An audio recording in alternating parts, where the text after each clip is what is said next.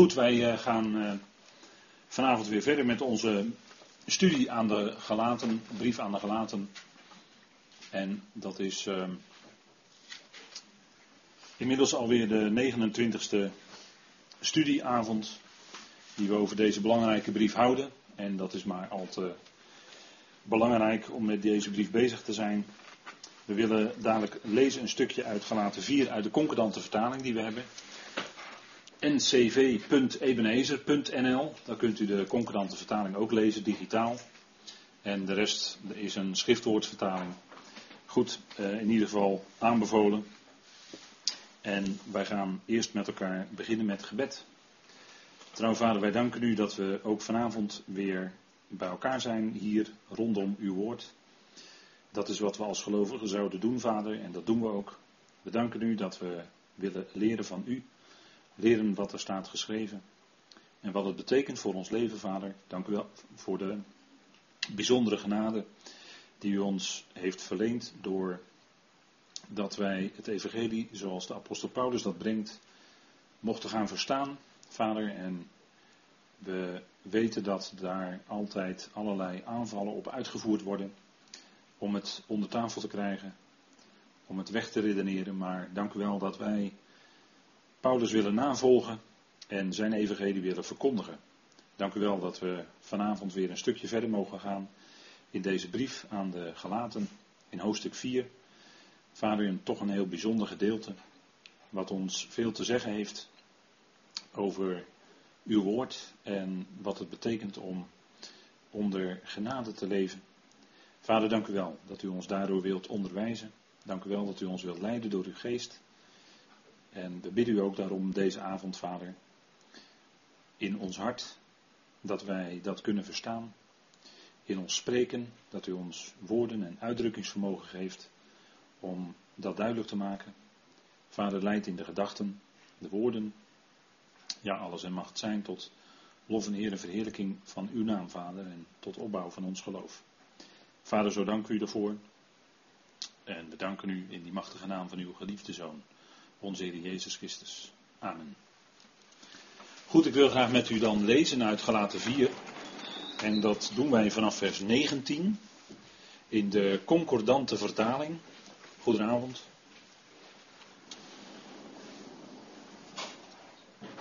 En daar staat: Mijn kleine kinderen, om wie ik weer ween heb, totdat Christus gevormd is in jullie. Ik wilde echter nu aanwezig zijn bij jullie en mijn toon veranderen, want ik ben ontsteld over jullie.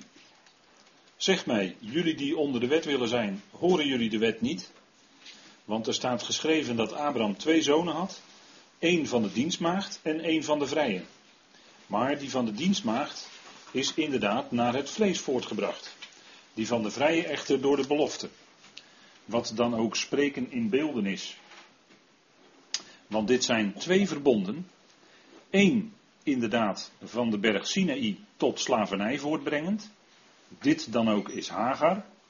En nu is Hagar de berg Sinaï in Arabië. Die echter op één lijn staat met het huidige Jeruzalem. Want zij slaaft met haar kinderen. Het Jeruzalem boven is echter vrij. Dat dan ook de moeder van ons allen is.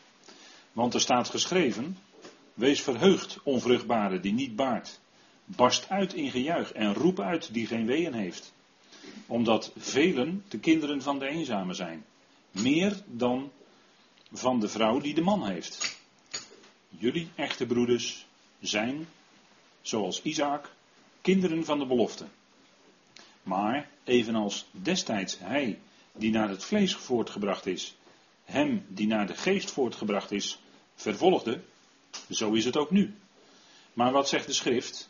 Werp deze dienstmaagd en haar zoon uit. Want in geen geval zal de zoon van de dienstmaagd het lotdeel genieten met de zoon van de vrije. Daarom, broeders, zijn wij geen kinderen van de dienstmaagd, maar van de vrije. Tot zover. En dit zijn uh, twee, uh, twee lijnen hè, die Paulus hier duidelijk neerlegt. Twee lijnen. Hagar en Sarai.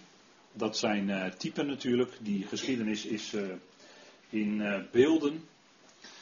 En we zien dan in dat eh, negentiende vers eigenlijk dat Paulus daar schrijft. En daar zien we eigenlijk, eh, om het maar in eigentijdse woorden te zeggen, daar zien we een heleboel emotie bij Paulus. Paulus is emotioneel in deze gelaten brief. Eigenlijk zo emotioneel als dat hij in geen andere brief is. Misschien in de eerste Korinthebrief, ook logisch. Maar hij roept het hier eigenlijk uit in vers 19. Mijn kleine kinderen, om wie ik weer ween heb. Dus hij stelt zich hier op, eigenlijk als een uh, zorgzame moeder. Hè? Hij noemt ze mijn kleine kinderen. En hij spreekt over weeën. En dat is, uh, en dan zegt hij, totdat Christus gevormd is in jullie. Kijk, die galaten, die moesten opnieuw, als het ware, uh, in zekere zin gewekt worden door het evangelie. Dat waren ze al, het waren gelovigen. Alleen ze waren zodanig afgeweken dat daar van dat geloof in de praktijk eigenlijk weinig meer te merken was. En dat was, zoals wij weten, omdat er uh, waren gekomen, judaïsten, die uh, de gelaten deden afwijken. En we hebben al gezien dat zij weer zich bezighielden met de grondregels van de wereld. Hè. Zij slaafden onder de grondbeginselen van de wereld opnieuw. En we hebben ook gezien dat de apostel eigenlijk de mosaïsche regels, wetgeving gelijkstelt met de religies, de andere religies zoals die in de wereld te vinden zijn. Waar je ook je moet houden aan allerlei dagen, maanden, jaren enzovoort enzovoort. Als, we, als we het hebben over, eh, om een heel klein simpel voorbeeldje te nemen. Als we het hebben over die andere grote religie vandaag de dag. En ik zeg, u, ik zeg tegen u het woord Ramadan. Dan weet u waar ik het over heb. Nou, dat is ook zo'n ritueel eigenlijk. Een ritueel van vasten. Die zij in acht moeten nemen. Dat is ook religieus. En dat heb je ook mensen die in het judaïsme uh, leven. Die doen ook aan vasten. Of dat nou per se in de Torah voorgeschreven is, dat is een andere zaak. Maar daar hopen we dan volgend voorjaar een keer over te spreken met u. Maar daar zie je dus dezelfde patronen. En Paulus die zegt dat ook tegen hen, dat zij dagen, maanden, vaste tijden en jaren in acht namen, wat eigenlijk hetzelfde is als andere religies. En dit was dan misschien vanuit de Mosaïsche wetgeving, maar het is hetzelfde principe. Het zijn de grondbeginselen van deze wereld. En Paulus, die is juist, en dat gaat hij later ook nog veel duidelijker zeggen in het zesde hoofdstuk, hij is voor de wereld gekruisigd. want ook in deze gelaten brief speelt het kruis een hele grote rol. En dat is natuurlijk niet voor niks, want aan het kruis is een einde gemaakt aan het oude. Dus ook eigenlijk aan die hele oude schepping in Gods ogen. Aan die oude mens, de oude mensheid. En als je dat gaat beseffen, en Paulus die noemt op markante momenten in deze brief, noemt hij ook het kruis. Ik, neem, ik neem maar aan even gelaten 2 vers 20. Hè, dus de, het feit dat Paulus daar zegt, met Christus ben ik gekruisigd. En toch leef ik. Maar dat is niet meer ik, maar Christus leeft in mij. En het vers ervoor zegt hij, ik ben voor, door de wet, voor de wet gekruisigd, opdat ik voor God zou leven. Dus hij was eigenlijk dood voor die wereld. Hij was dood voor de wet. En hij kon nu een nieuw leven leven van een nieuwe schepping. En dan ben je voorbij aan die dingen die horen bij de oude schepping. Dus als je iets in het vlees nog wil presteren, wat zeg je dan eigenlijk? Want dat was aan de hand bij die gelaten. Die wilden vanuit hun vlees bezig gaan met de werken van de Torah. En dat, is natuurlijk, kun je natuurlijk allemaal heel misschien eh, proberen, heel goed proberen te motiveren uit de Bijbel, want het staat ook in de Bijbel, weet u wel, u kent die, die uitdrukkingen misschien wel, hè, ja. Het staat ook in de Bijbel, ja, er staat heel veel in de Bijbel. Maar dat wil niet zeggen dat wij ook alles zouden doen wat in de Bijbel staat. Dat is heel wat anders. En als je dat toch wil doen, dus, en dat was bij die gelaten aan de hand, hè, zij werden aangesproken in feite op hun vlees, dus zij wilden vanuit hun vlees weer iets presteren, en zodra je dat doet, dan ontken je daarmee eigenlijk ten diepste het volbrachte werk van Christus. Want dan zeg je, ja, dat was nog niet genoeg. Ik moet er nog iets aan toevoegen. Dus je wil nog iets doen, je wil nog iets toevoegen, terwijl je eigenlijk alles al hebt. We hebben alles al ontvangen. In Hem. Een ontzaglijke rijkdom. En dan willen ze toch nog iets doen, iets eraan toevoegen. Hè? En dat is het vlees. En dat is ook wat in deze lijn, twee lijnen die we vanavond aan de orde hebben, zien we dat punt ook weer terugkomen. Geest tegenover vlees. Oftewel, vlees tegenover geest. En in het vlees nog iets willen presteren. En dat kan met allerlei mooie woorden, en het wordt vandaag de dag ook nog steeds zo gedaan. In het vlees nog iets willen presteren, ja, een weg van heiliging. Want ja, God wil toch dat wij heilig leven, of dat wij meer geheiligd worden, of heiliger worden. En je vergeet dan dat je al heilig bent. En daaruit leven, dat is precies andersom. Dan hoef je niet meer iets te bereiken. Maar je wordt je bewust dat je een heilige bent, dus dat je op God gericht bent, apart gezet, voor de dienst aan God. En van daaruit leven. Dus dat is een heel ander startpunt. En dat is precies wat, hier ook, wat u hier op deze dia ziet staan. Je wilde in het vlees nog iets presteren, maar je begint aan de andere kant. Je zou eigenlijk moeten denken en leven vanuit het besef dat je alles al hebt ontvangen. Je hebt alles al ontvangen. Dus als je nog in het vlees iets wil toevoegen, presteren, en weg van heiliging of wat dan ook, dan kom je A in de kramp, want het is nooit goed, het is nooit genoeg, als je aan die kant gaat beginnen. B, je schiet altijd tekort. Dus dat levert allerlei frustraties op, om het zo maar te zeggen. Want je schiet toch altijd tekort. Het is nooit helemaal goed. Terwijl als je aan de andere kant begint en je zegt, ja, maar Heer, dank u wel, ik ben in u volmaakt. Ik ben in Christus volmaakt, volkomen. Hij is mijn complement, ik ben in hem volkomen. Ik heb alles al ontvangen. En je gaat daaruit leven. Moet je eens kijken, als je dat gaat beseffen, moet je eens kijken wat voor een vrede je dan in je hart krijgt. En wat voor een rust, vanuit wat voor een rust je dan kan gaan leven. want dan is het niet meer dat gejaagde moeten, moeten, moeten, altijd maar moeten. En het is nooit genoeg. Want zo leven veel christenen. Maar dan is het heerlijk vanuit die ontspannenheid, vanuit de rust in het besef dat het volbracht is. Kunnen leven, kunnen werken, kunnen dienen, kunnen zijn. En dat is tot zijn eer. Want dan leef je in de rust van het geloof. En anders is er onrust in je hart. Maar we zouden leven vanuit de rust vanuit ons geloof. En als je werkelijk, hè, als werkelijk dat geloof, als je werkelijk wandelt in geloof, dan leef je in het geloof, in het volbrachte werk van Christus. En dan moet je, hoef je niet de rust te zoeken in jezelf, maar dan vind je de rust en dan heb je de rust gevonden in Hem. En dat is de rust waar zoveel mensen naar, naar op zoek zijn, in feite naar snakken. Dan zeggen ze ja, ik doe een reiki of ik ga mediteren, ik ga yoga. Ik moet even, even yoga doen hoor, een uurtje, even tot rust komen. Even yoga doen. Even je mantra zeggen, nou het wordt er nooit bij gezegd. Ze zeggen alleen even yoga doen, maar ik weet, en u weet ook, dat ze dan een mantra opzeggen. En dan roepen ze eigenlijk een demon aan. Dat weten ze allemaal niet, maar het is wel zo. En dat brengt hun dan rust, tijdelijk, hè, innerlijke rust. Maar dat is tijdelijk. Dat is surrogaat. Want ze zoeken het niet bij degene die werkelijk rust geeft. Dat is Christus Jezus. Dat is de Heer. En dat is het punt, hè. En dat was bij die Galaten dus aan de hand. die waren onrustig geworden door de Judaïsten. Of uh, dwaalleraren met een Judaïstische inslag, kan ik ook zeggen. En die wilden hen onder de Torah van Mozes brengen.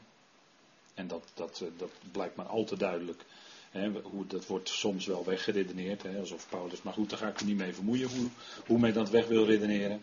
Maar het blijkt gewoon overduidelijk uit dit gedeelte wat we vanavond gelezen hebben, dat het ging om de Torah. En de Torah zijn de vijf boeken van Mozes, Genesis tot en met Deuteronomium. En als u, als u dat anders ziet, dan uh, zou ik zeggen, nou lees gewoon een gelaten brief. U hoeft mij niet te geloven, moet lezen wat daar staat. Want daar staat het in, dat het daarom gaat. dus dat is Lijkt, ja, ik, ik, lijkt me altijd zo eenvoudig, maar goed. Um, vers 20. Want de apostel zegt: Ik wilde echter nu aanwezig zijn bij jullie en mijn toon veranderen, want ik ben ontsteld over jullie. Hij is ontsteld. En, en dat woord wat er dan staat over, over on, uh, voor ontsteld, dat betekent eigenlijk, uh, als ik het heel letterlijk vertaal, niet gaan. Wij zouden zeggen, hij stond perplex. Hij was verbijsterd. In het Engels zeggen ze dan flabbergasted. Zo, hè? Dus hij, hij stond eigenlijk verbijsterd stil en hij kon zich als het ware niet meer bewegen over de ontzetting over wat hij zag bij die gelaten geestelijk. Zo, hè? Dus het was niet alleen de verbazing van Paulus, het is sterker, het is de verbijstering van Paulus. En inmiddels kan ik me dat zo wel voorstellen hoor. Wat je dan voelt. Kan ik er iets van voorstellen. Hè? Kijk, Paulus is in deze brief emotioneel. En dat blijkt hè, als wij bijvoorbeeld even terugkijken in hoofdstuk 1, vers 6. Hè, kunt u gewoon lekker meelezen in de Nederlandse concordante vertaling. Want dat is echt een vertaling.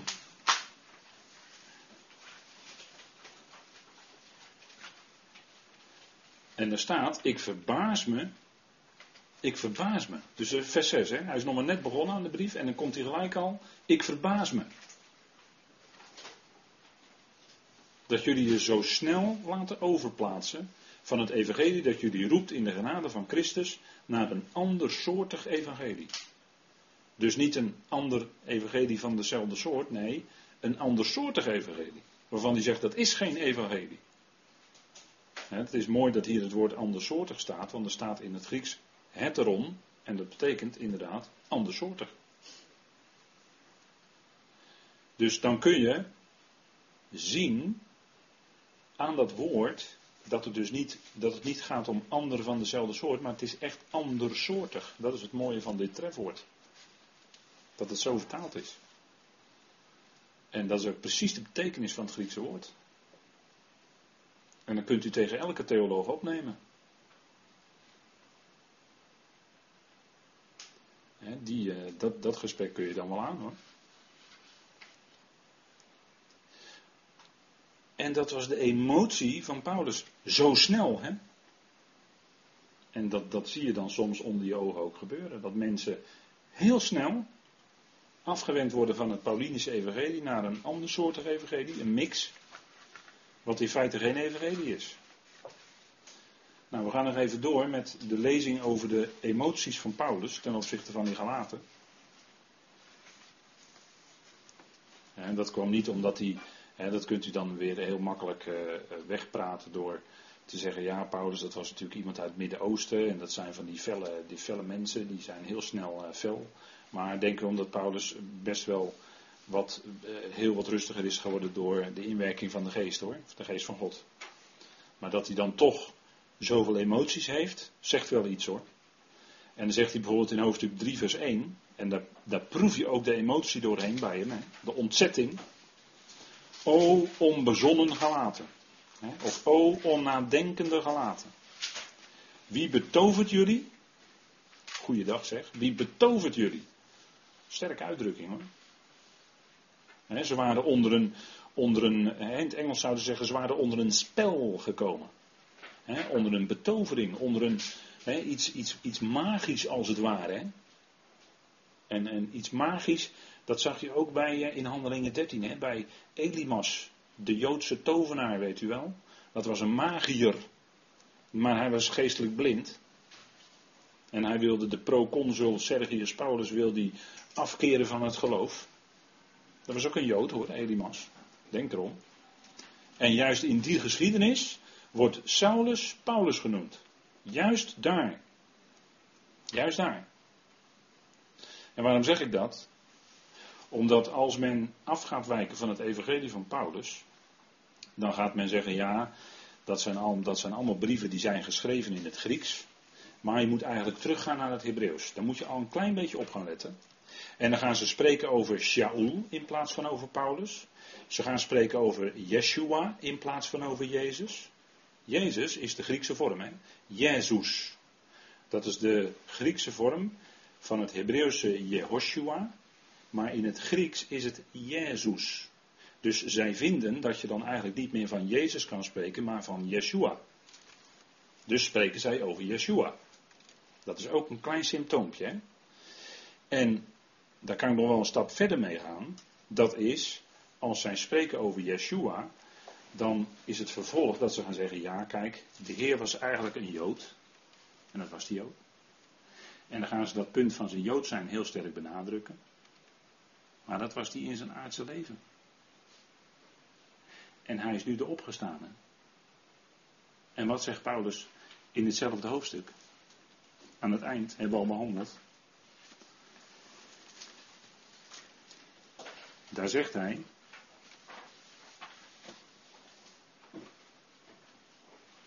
In vers 27, hoofdstuk 3, vers 27.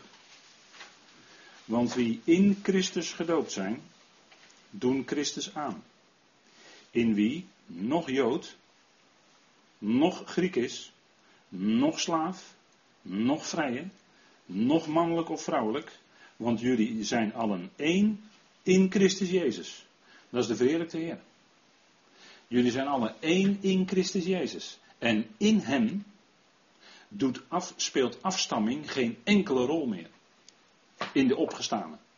Dus Christus Jezus is de opgestane. Die is ten diepste geen Jood meer, als u begrijpt wat ik bedoel in dit verband. Hij is geen Jood meer, nee, hij is de opgestane Heer. Hij hoort bij een nieuwe schepping. Waarin het helemaal niet meer gaat om verschil tussen volkeren.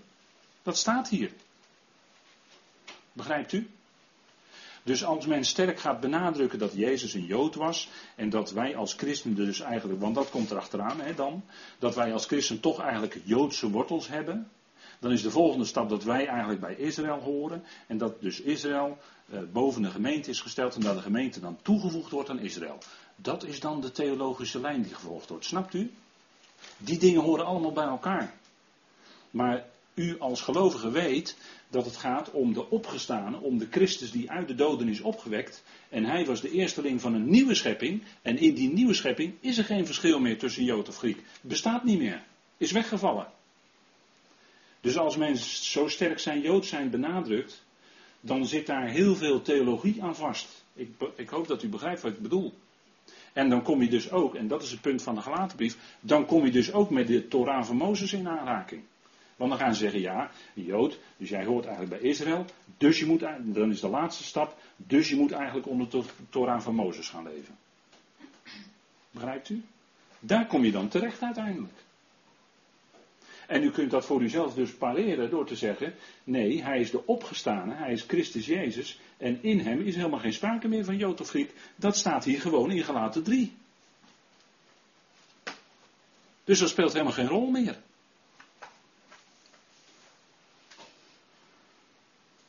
En dat, dat, want dat is wat je dus moet beseffen als je dus dingen leest. Hè? Er, wordt zoveel, er gaat zoveel rond in die christelijke wereld. En dan zegt u, ja, dat ontgaat me allemaal. Prima, hou zo. Dan wordt u ook niet afgeleid. Want het is allemaal, het is allemaal net ernaast. Het is het allemaal net niet. En, en voor je het weet ga je kantelen en glij je weg uit het evangelie van Paulus. En kom je in een ander soort evangelie terecht. Wat geen kracht heeft. Dat zeg ik u gelijk erbij. Daardoor heb je dan geen kracht. Dan valt je kracht weg, dan gaat je rust weg. Dan komt er onrust en zwakheid, enzovoort, enzovoort. Dus ik denk dat we dat goed met elkaar kunnen vaststellen. En vandaar, omdat de apostel dat natuurlijk zag bij die Galaten, vandaar dat hij hier zegt in Galaten 4, vers 20: Ik ben ontsteld over jullie. Hij was ontsteld. Hele gemeentes werden omgekeerd. En later was Paulus dus zelf ook niet meer welkom. Want ik heb de vorige keer met u doorgenomen hoe het vrome vlees keihard terugslaat. Dat heb ik u vorige keer laten zien, hè, in de vorige studie. Dat weet u. En er is vandaag de dag nog niks veranderd hoor. Er is nog net zoveel vroom vlees overal. En het slaat nog net zo hard. Dus beseft u goed waar het om gaat. Hè? En ik weet wel, dat gaat nu weer even dus op het scherpst van de snede. Maar ja, dat is nou eenmaal de schrift. De Heer kwam niet, bovendien kwam de Heer op aarde toen hij onder zijn volk wandelde. kwam hij, zei hij zelf, eh, dat hij niet gekomen was om vrede te brengen, maar het zwaard. Weet u toch dat dat er staat, hè? Dus hij kwam niet altijd even gezellig binnen bij die uh, vrome fariseeën en schriftgeleerden. dat was niet altijd gezellig hoor, niet twistgesprekken. Uh, kijk, weet u dan hoe dat gaat? Kijk, dat is dan vroom vlees tegen de Heer. Dan zeggen ze dus tegen de Heer, hij is een Samaritaan. Hij heeft een demon. Zeiden ze ook gewoon tegen hem. Meerdere keren hoor. Johannes 8, Johannes 10. Meerdere keren. Hij heeft een demon. En hij zei tegen hen, hij zei, broed. jullie komen uit het nest van een slang. Jullie hebben de duivel, de diabolos tot vader, zei hij tegen ze. En hij zei nog meer dingen hoor. Dus hij nam ook geen blad voor de mond. Dat ging fel. Maar het was natuurlijk wel de waarheid. En zij keerde het precies om hoe het zat. die vrome Joden. En zo is het steeds met, ook bij de gelaten. als je dus weggetrokken wordt uit het evangelie van Paulus, dan wordt de hele zaak omgekeerd. Dan, ga je precies andersom. En dan eh, raak je je rust kwijt, je vreugde kwijt. En er komen allerlei twistingen en noem alles maar op. Er komen allerlei akelige werken van het vlees tevoorschijn. Nou, dat, dat krijg je dus allemaal als je dus wegglijdt uit de evangelie. Die dingen. En, en Paulus, die wilde graag bij hen zijn. Hij zegt, ik wilde nu echter bij jullie aanwezig zijn en mijn toon veranderen, want ik ben ontsteld over jullie. Hij was ontsteld over ze. En vandaar dat hij zo'n lange brief schrijft. Met zo'n lange verhandeling over wet en belofte. En totdat je denkt van nou, hij heeft het nu toch al drie keer gezegd. Ja, dan gaat hij het ook nog de vierde keer zeggen. dat doet hij dan hier. Maar hij is, hij, is, hij is bezig op een scherp aansprekende toon. Hij zou het graag anders doen hoor, op een andere toon. Maar hij moest wel. Omdat het hier gaat om het fundament van het evangelie. Genade.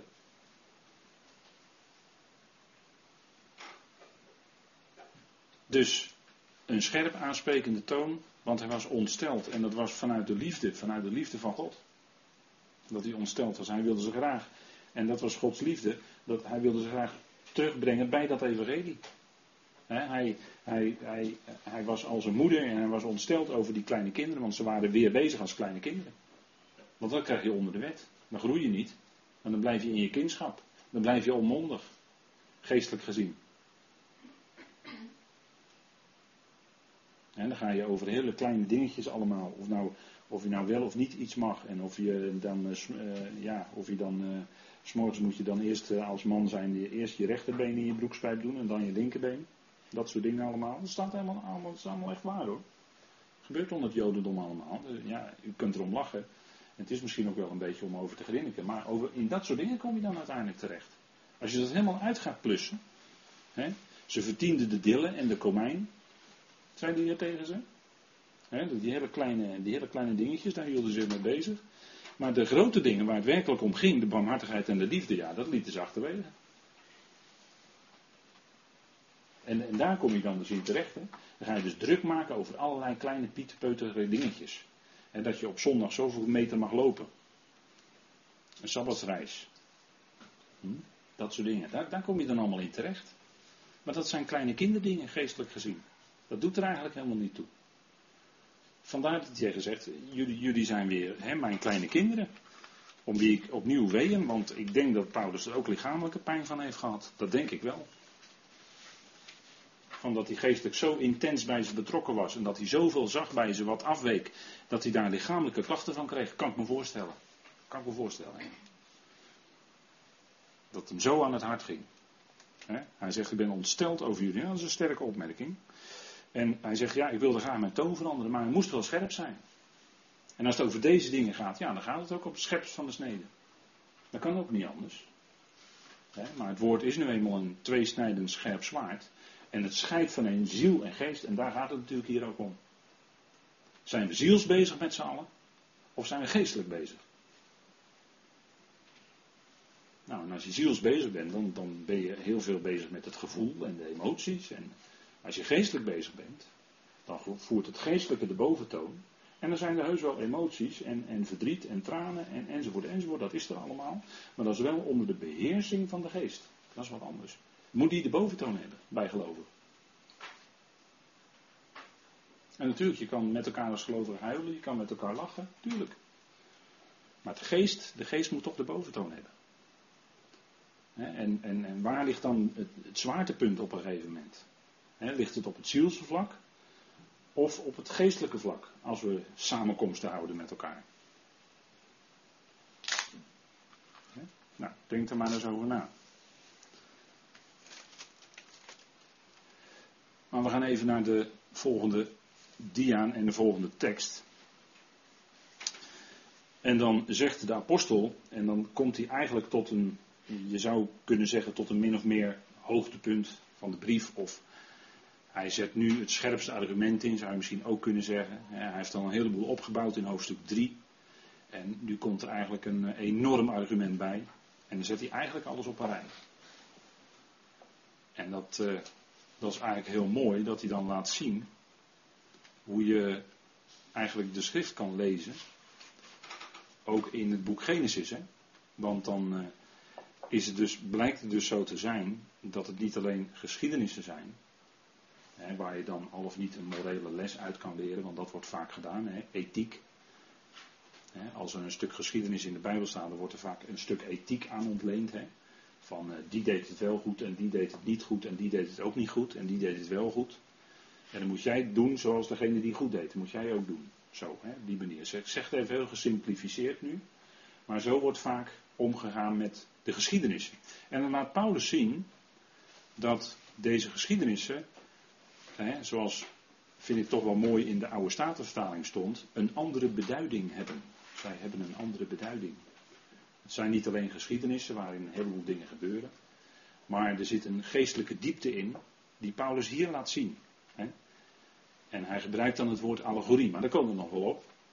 En wij zeggen dan vaak typologie. Hè? Nou, dat ziet hierin natuurlijk. En dan zegt hij: Zeg mij, jullie die onder de wet willen zijn, horen jullie de wet niet? Nou, dat is een scherpe opmerking. Hè? En hij zegt nu precies waar het om gaat bij die gelaten. Zij wilden dus onder de wet zijn. En wat betekent dan de wet hier? Nou, hij gaat nu citeren uit Genesis. Dus dat zijn die vijf boeken van Mozes. Dat is de wet, dat is de Torah. En iemand die dat anders wil draaien, die, draait die verdraait dan de schrift. als je dit anders wil draaien, dan verdraai je echt de schrift. En dat gebeurt, zegt Petrus. He? Dus dat gebeurt. De brieven van Paulus, die worden verdraaid. Maar als we gewoon eerlijk en onbevangen lezen, dan zeggen we hier gewoon, ja, het gaat hier gewoon om die eerste vijf boeken van Mozes. Dat is de Torah. Zo is het ook bij de Joden onbekend. En ook bij de Samaritanen, hè, die hebben een Samaritaanse pentatuig. Nou, zo is het bekend. Hè. Wet is de Torah, de geschreven Torah van Mozes. En dan zegt hij, horen jullie de wet niet? En met dat horen, daar bedoelt hij natuurlijk beluisteren jullie dan de wet niet? Met andere woorden, hoe lees je? Lees je het als in de eerste plaats, dit moeten we wel ermee doen en dat moeten we niet doen? Of lees je in de eerste plaats en kijk je naar de geestelijke betekenis van wat er staat geschreven? En dat zouden wij dus doen, want dat houdt Paulus ons voor. Op deze wijze houdt Paulus ons de schrift voor.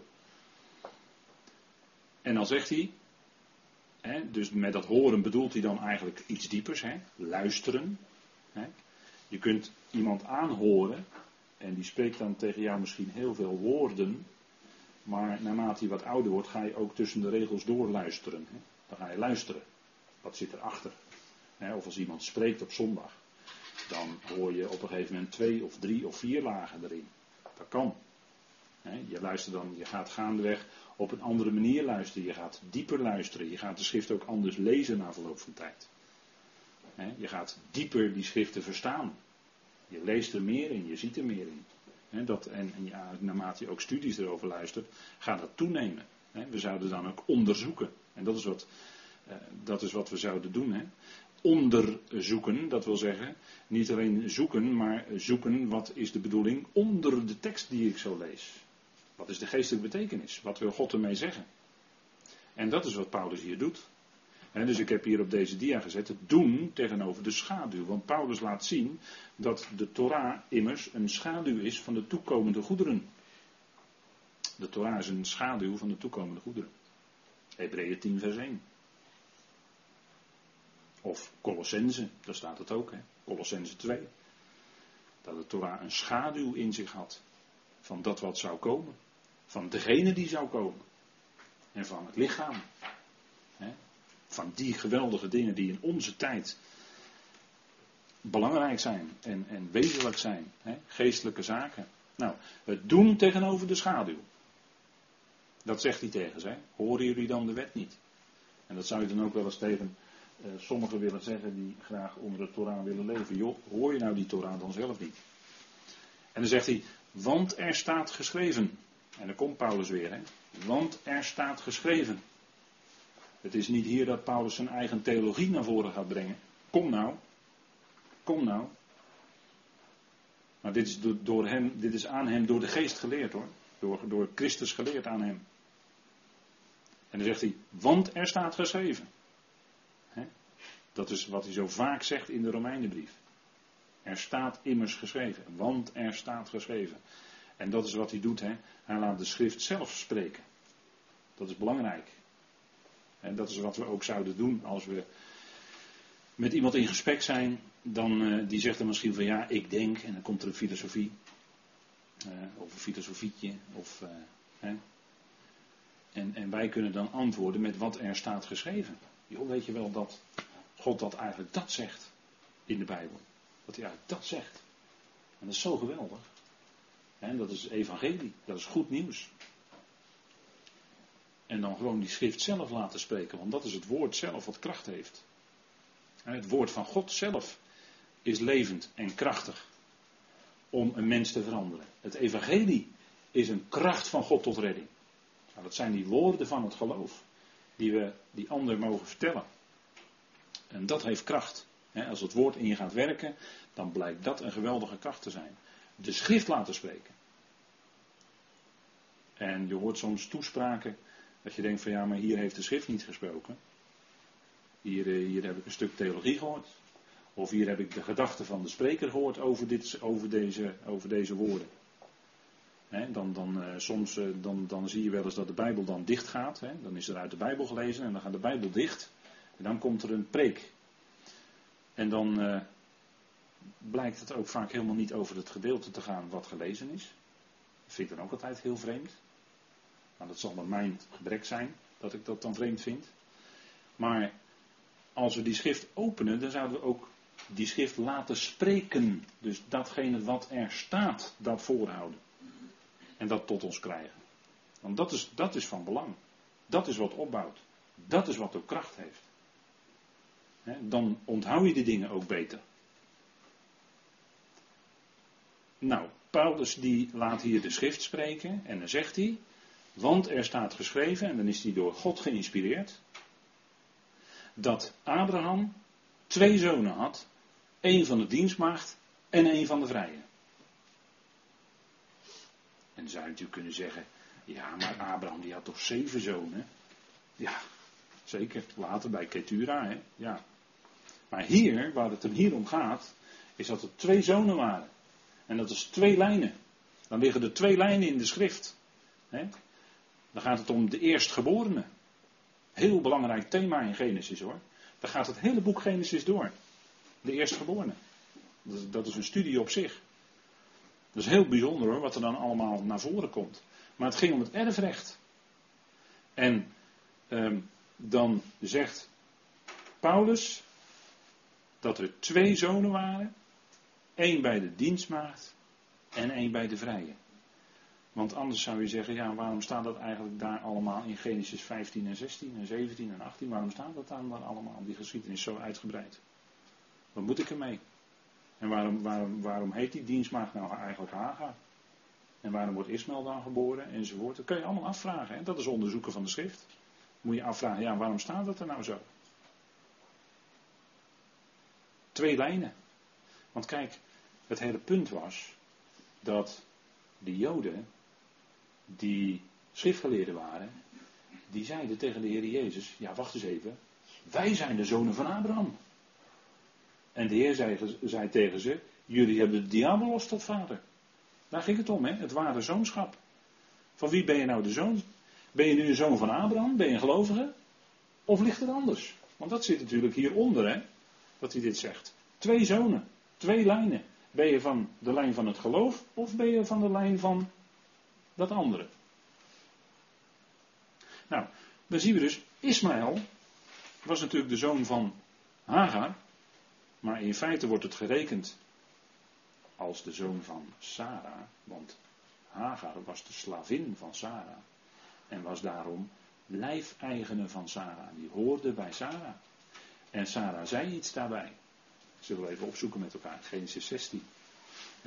En dan gaat het om Ismaël en Isaac. Ismaël betekent God hoort.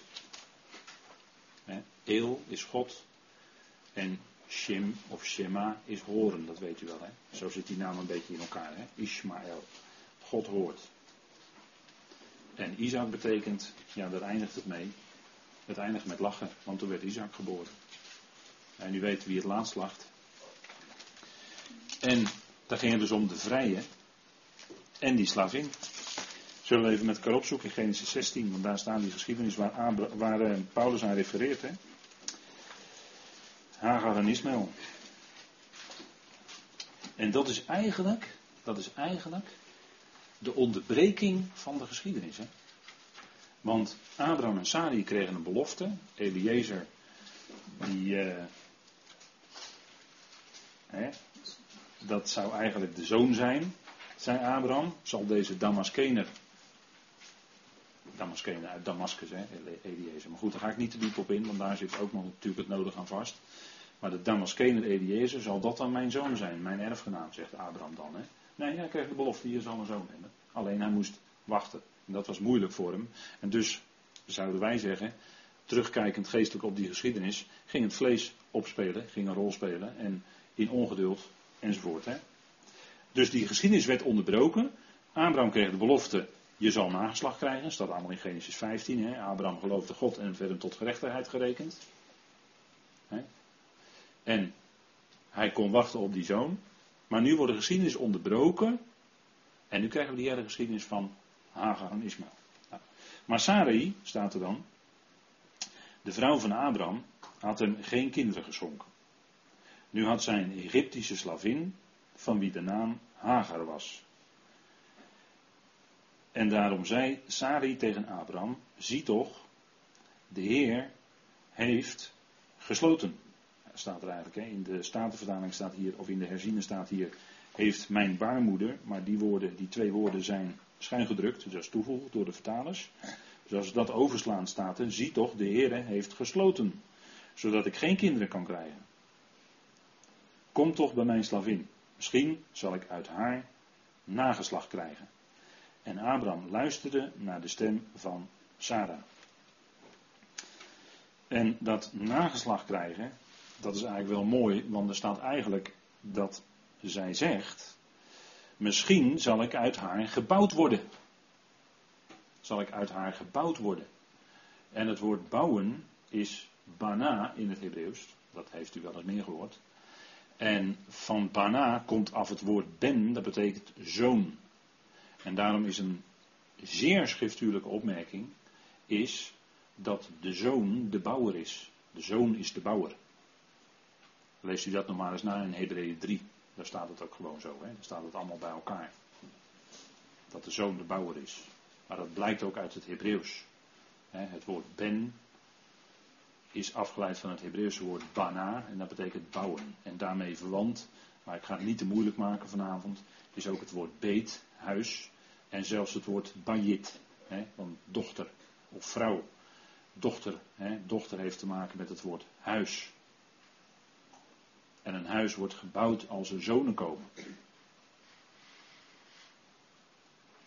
En daarom zei Sarah tegen Abraham: dan zal ik misschien uit haar zal ik, zegt Sarah, ik, want slavin was een lijfeigene van haar, hè, dat was, die hoorde gewoon bij haar, zal ik uit haar gebouwd worden. Dus het, werd, het zou dan gezien worden als was het de zoon van Sarah. Maar dat was natuurlijk niet werkelijk zo. Want God had de belofte gegeven aan Abraham en Sarah dat zij samen een zoon zouden krijgen. Dus het was toch de weg van het vlees die ze hier gingen. En dat heeft ook betekenis dat hier staat in vers 1 een Egyptische slavin. Want de weg van het vlees betekent ook Slavernij. Het vlees is verslaafd onder de zonde. Als ik het even heel snel naar u toe breng, via de brieven van Paulus.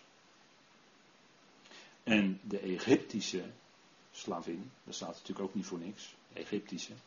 Want anders zou het zomaar een losse opmerking zijn, maar dat is natuurlijk niet zo in de schrift. Egypte is een beeld van de wereld. En daar waar, later Egypte, waar Israël later in Egypte zou zijn, zouden zij ook in slavernij zijn. En zouden zij tichelstenen bakken. En dat was een type van dat zij later in slavernij, zouden zijn onder de wet. Ze waren weliswaar uit het diensthuis uitgeleid. Uit Egypte dus, uit het diensthuis, het huis van slavernij, uit Egypte. Waren ze uitgeleid. Maar ze kwamen in slavernij onder de wet. En ze gingen dus bezig met eigen werken. Dat is die tichelstenen bakken. Dat is bezig met eigen werken. Dat is ook Babel, hè. Nou, ik hoop dat ik nu niet te veel overhoop haal bij u. Maar in Babel gingen ze ook met tichelstenen aan de gang. Hè. Dat was ook de eigen werken van de mens. Zelf een toren bouwen. Zelf een naam krijgen in de wereld. Zelf een naam krijgen. En daar zijn ook christenen vaak mee besmet. Dan willen zij een eigen kerkgenootschap hebben. Want dan kunnen zij een naam vestigen in de wereld. Of dan willen ze zich op een of andere manier verenigen en daar een naam op plakken. Want dan heb je een naam in de wereld. Maar we zouden eigenlijk bij elkaar komen, zoals wij dat vanavond doen, dat hoeft niet per se in een huiskamer, maar dat kan wel in een huiskamer. Zonder naam, zonder dat er een etiket op geplakt wordt. We komen gewoon als gelovigen bij elkaar rondom de schrift. Dat is gemeente zijn. Dat is gemeente zijn. En al het andere eromheen, wat je op zondag doet, is allemaal prima. Maar dat is wat je steeds ziet gebeuren. In de kerkgeschiedenis.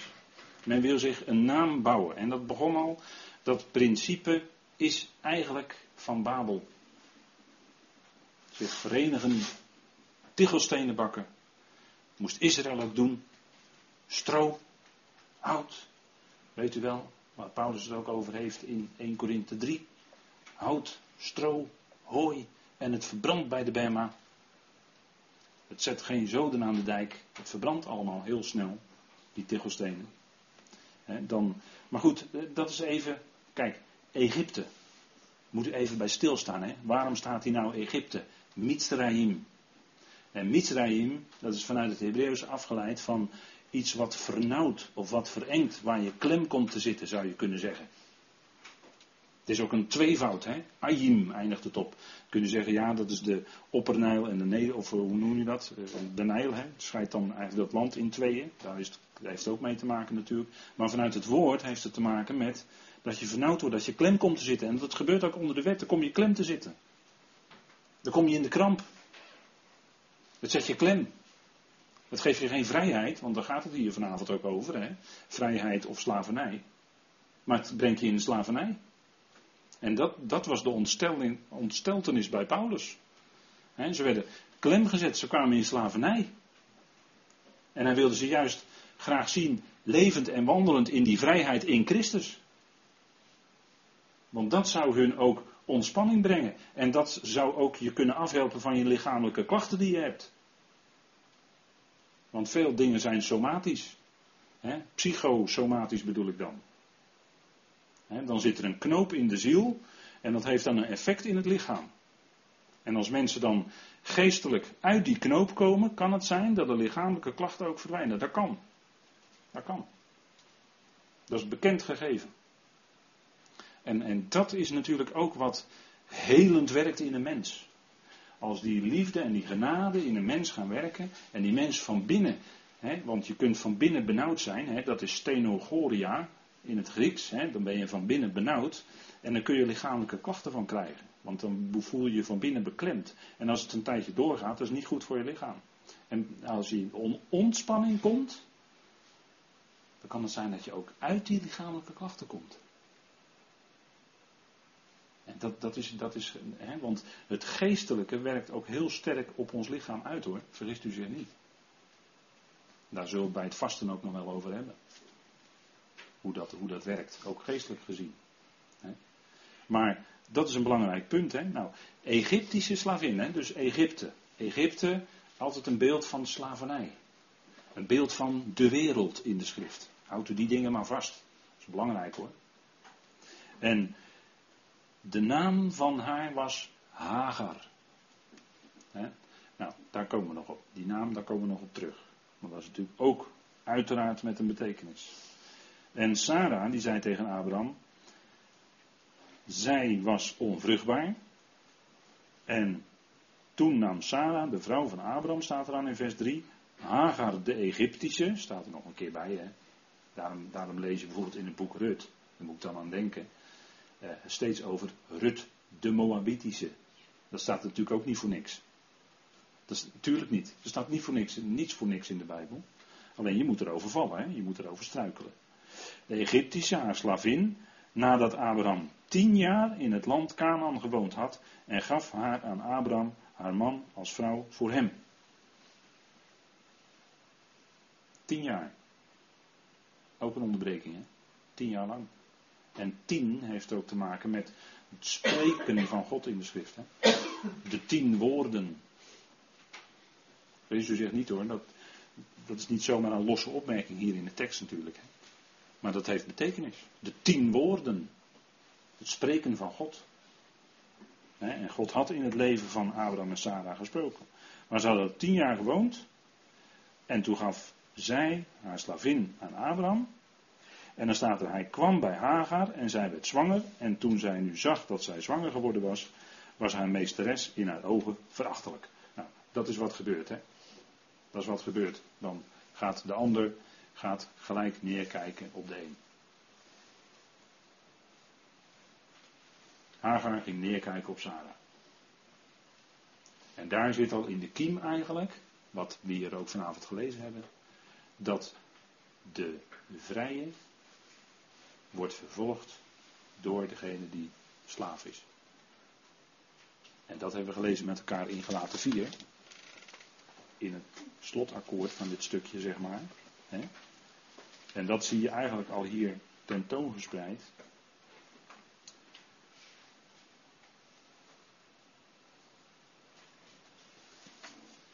In gelaten 4 en dan in vers 29. Maar evenals destijds hij die naar het vlees voortgebracht is, hem die naar de geest voortgebracht is, vervolgde, zo is het ook nu. Ziet u dat het principe al eigenlijk bij Hagar en Sarah aanwezig is? Zij, de vleeselijke, de slavin, zij vervolgde in feite Sarah door haar op neer te kijken en haar te verachten. Dus daar zie je dat principe al naar voren komen. En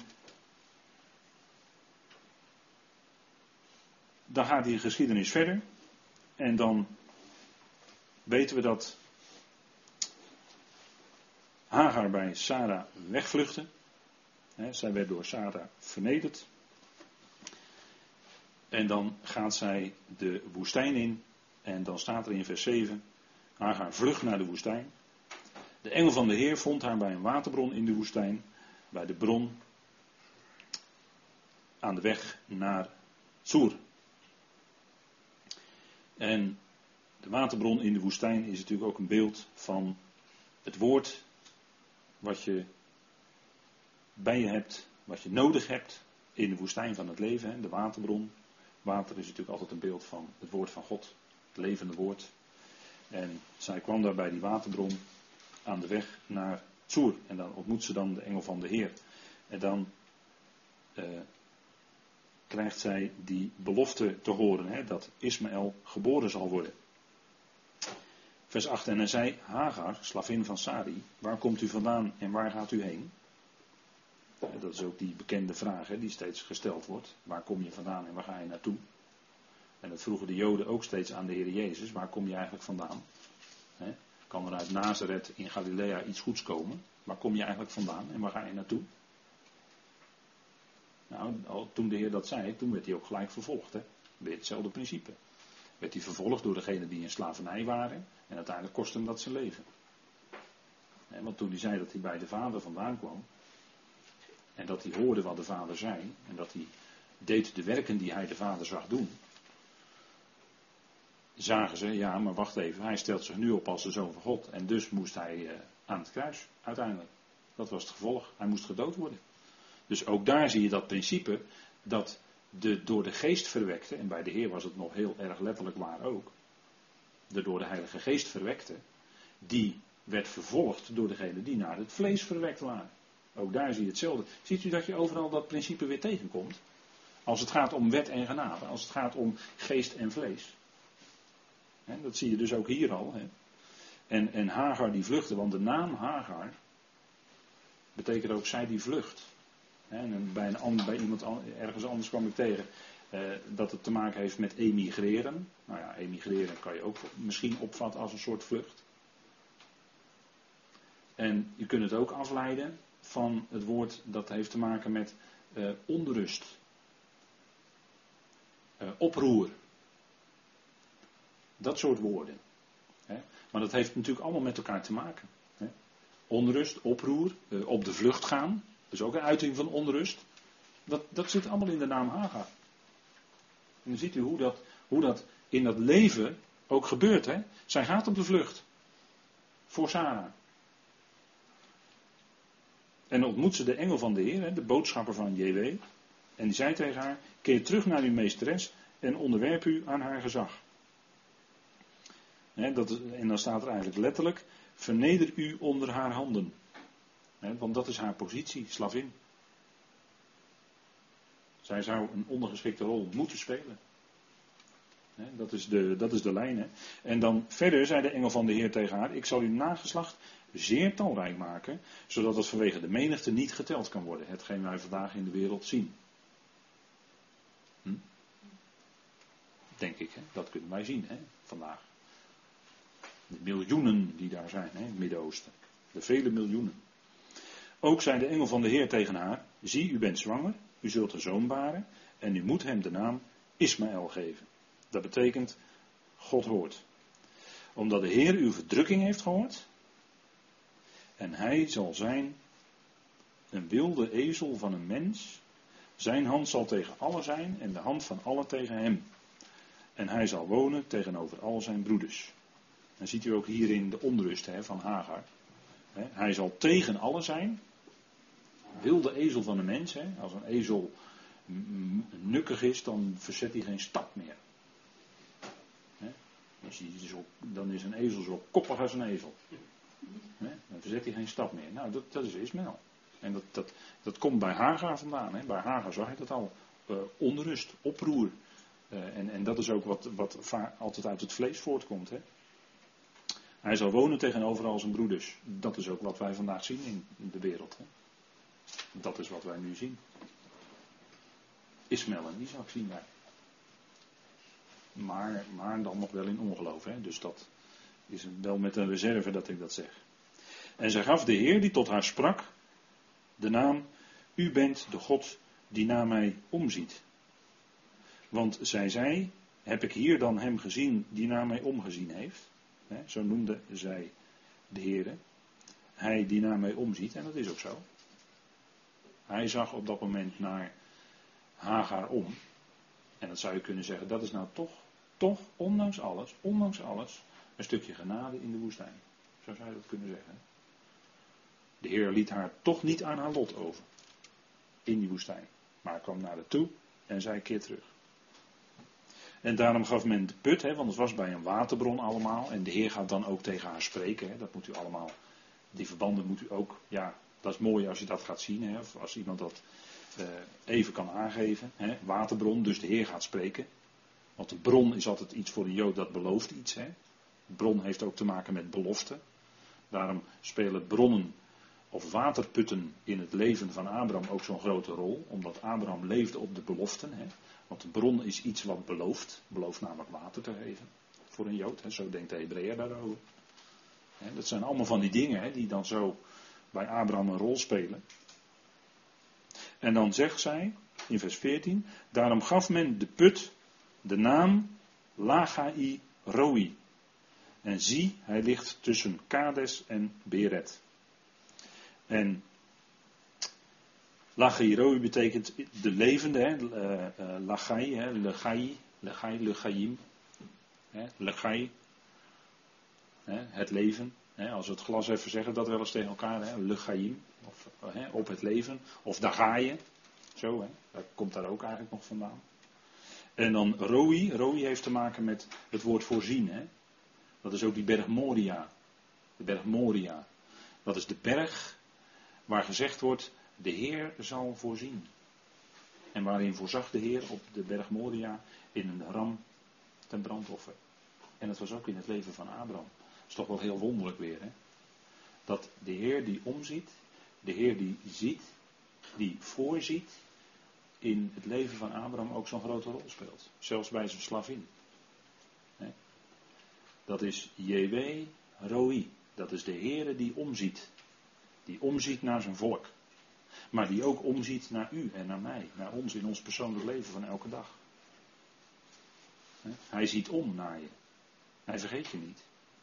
Ook al lijkt de hemel wel eens van koper als je bidt. Maar hij vergeet je niet. Hij ziet je.